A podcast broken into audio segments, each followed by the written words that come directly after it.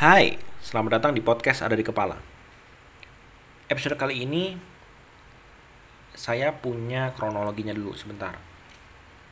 Kronologi pertama, saya lihat suatu tweet yang isinya beberapa screenshot dari DM, Instagram dan Twitter dengan judul apa ya waktu itu ya? Pokoknya eh, isi dari screenshotan itu adalah bagaimana orang-orang di media sosial itu gampang banget untuk ngomentarin seseorang. Terutama waktu kalau di situ sih dia menunjukkan kalau orang gampang banget bisa ngomong orang lain tuh lebih gendut. Kok gendutan sih sekarang? Kamu nggak pantas pakai baju itu, kelihatan gendut. Uh, coba deh diet supaya lebih langsing. Itu di Instagram dan Twitter atau di media sosial dia.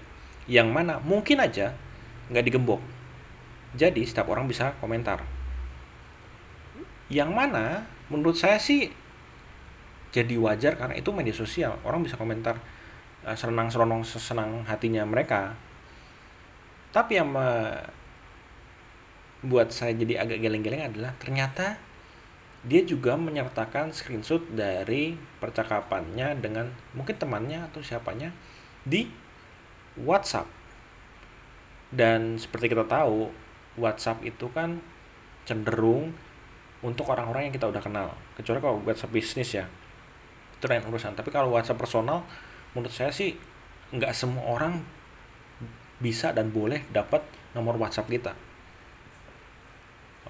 cenderung orang yang lebih dekat mungkin kita kenal udah agak lebih lama atau mungkin eh, keluarga tentu aja saudara-saudara seperti itu. Dan konteksnya masih sama mengomentari kalau lebih baik sebagai seorang wanita itu bisa jaga badan. Niatnya mungkin benar ya tapi sebelum kita masuk ke pembahasannya, menurut opini saya, kita masuk ke kronologi 2. Saya lagi-lagi nonton sebuah drama Korea berjudul Would You Like a Cup of Coffee episode ketujuh yang isinya adalah tentang seorang kritikus kafe atau kopi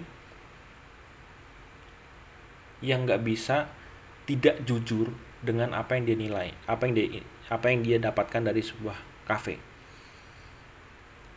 Nah, jujurnya bener, tapi caranya menyampaikan itu cenderung kasar, membuat orang tidak nyaman di kafe tersebut dan mungkin ke dan bahkan lebih-lebih ke pemilik atau barista kafe itu.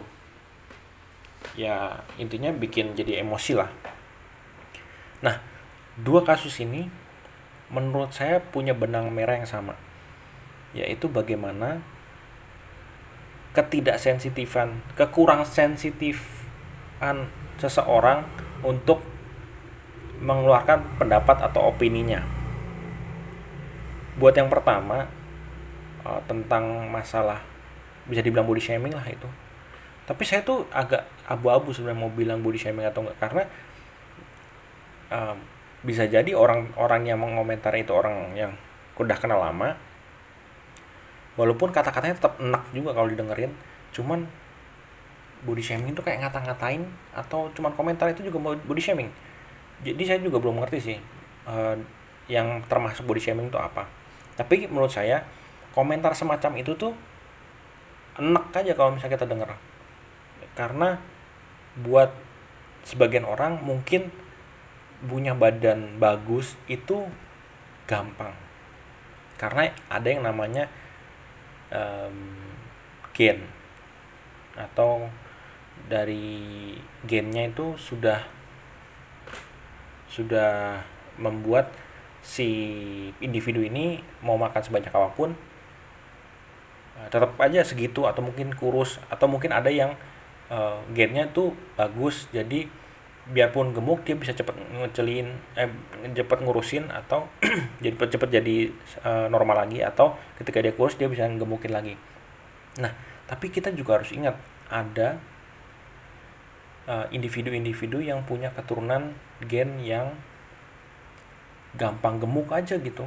Makan sedikit gemuk uh, ngemil sedikit gemuk uh, jadi mungkin makannya bisa disamain tapi gemuknya bisa berbeda nah di sini menurut saya agak lucu sih kalau misalnya orang menyamaratakan bahwa diet dong kok gemukan sih? Ya gimana dong? Pun kalau misalnya seseorang itu nyaman dengan bodinya dan bodinya seperti itu dan bu, maksudnya nyaman dengan keadaan tubuhnya yang uh, bahasanya apa ya? Lebih dibanding orang lain kata-kata gendutan ataupun sebaliknya kok kurus kurus banget itu sebenarnya nggak nggak perlu dikeluarkan. Kecuali kalau memang tapi bukan kecuali juga sih. Dan kayak omongan kuru diet dong gini atau gitu misalnya. Itu tuh lebih tepat kalau misalnya orang yang kita mau komentarin atau kita mau saranin itu minta saran atau kritik.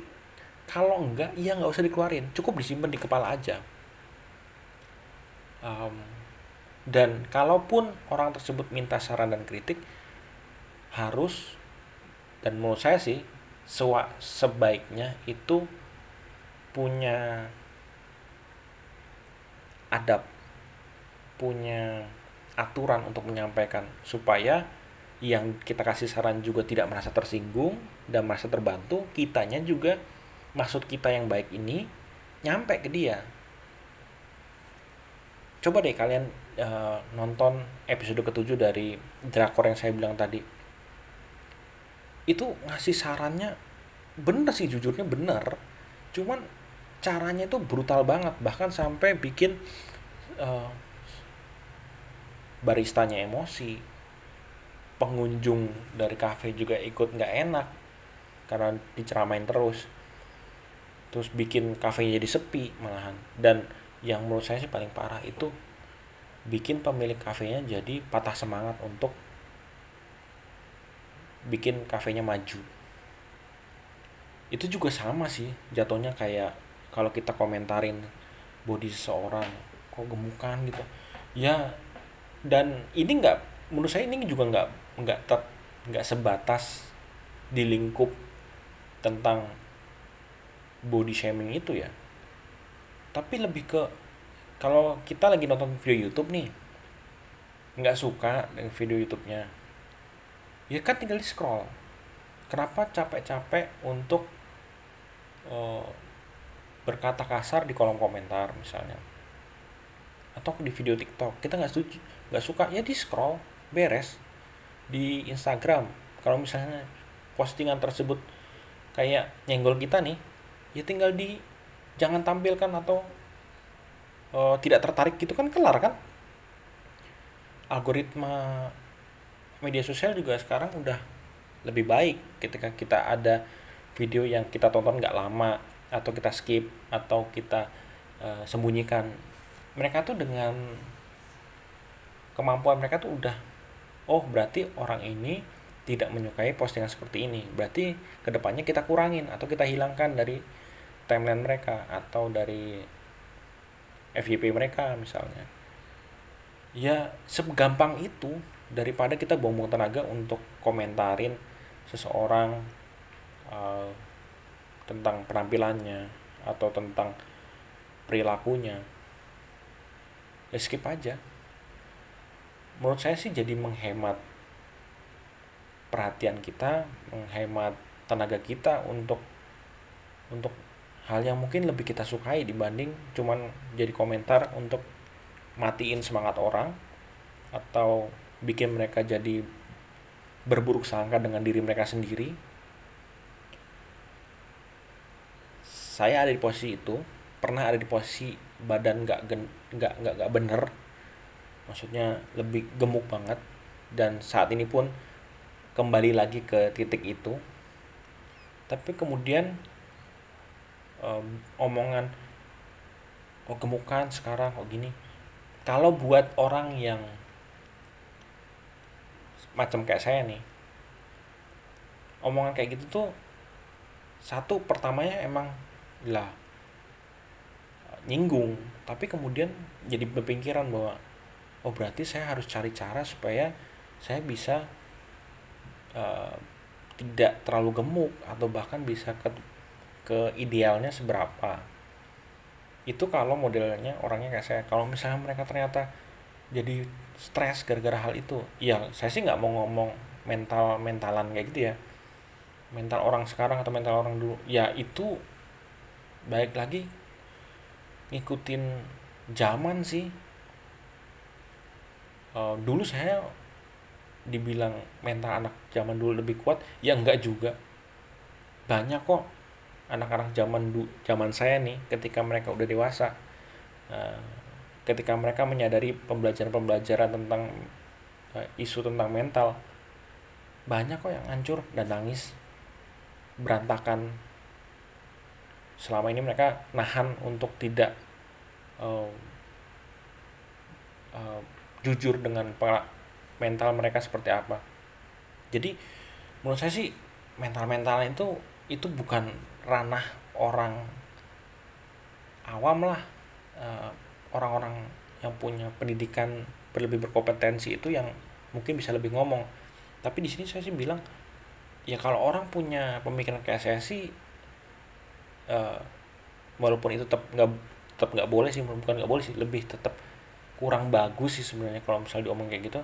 Tapi jadi dorongan ya itu lain cerita. Tapi kalau misalnya orang itu jadi kepikiran pada akhirnya jadi stres dan akhirnya makan lebih banyak tambah gemuk ya mereka gimana dong?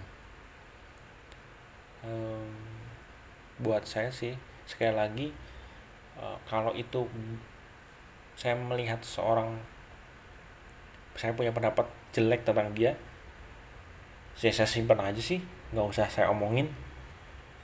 Emang kalau saya omongin yang ada nambah musuh yang ada ya kan? Uh, simpan aja sendiri.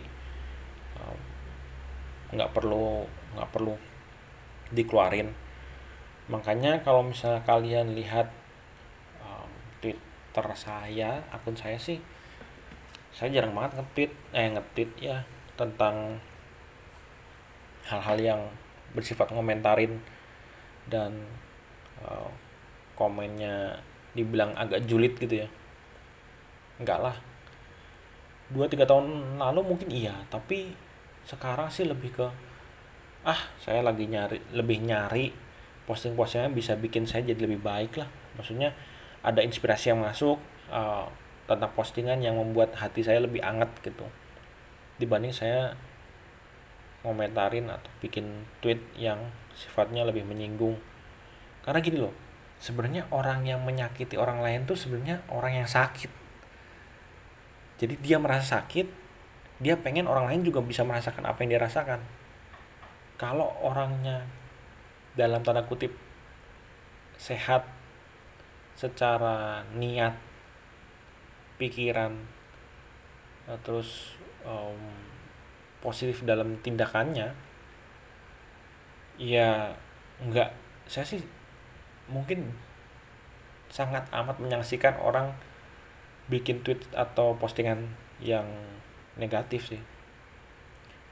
Dan memang benar apa yang dibilang sama kok Edward Suhadi siapa dan apa yang kita follow di dunia medsos atau di dunia digital itu membentuk apa yang kita pikirkan apa yang kita pikirkan akan membentuk apa yang kita lakukan apa yang kita lakukan akan membentuk kebiasaan kita dan pada akhirnya kebiasaan tersebut akan menjadi kepribadian kita. Jadi kalau misalnya dari pikiran atau apa yang kita follow aja udah nggak beres kemungkinan besar sih ke belakangnya bakal nggak beres juga. Jadi ya pilih-pilih pinter-pinter apa yang kita follow. Ya itu aja sih yang mau saya omongin di episode kali ini terima kasih yang sudah mendengarkan um, kita ketemu lagi di podcast ada di kepala episode selanjutnya Hanliwian pamit, podcast ada di kepala pamit. Ciao.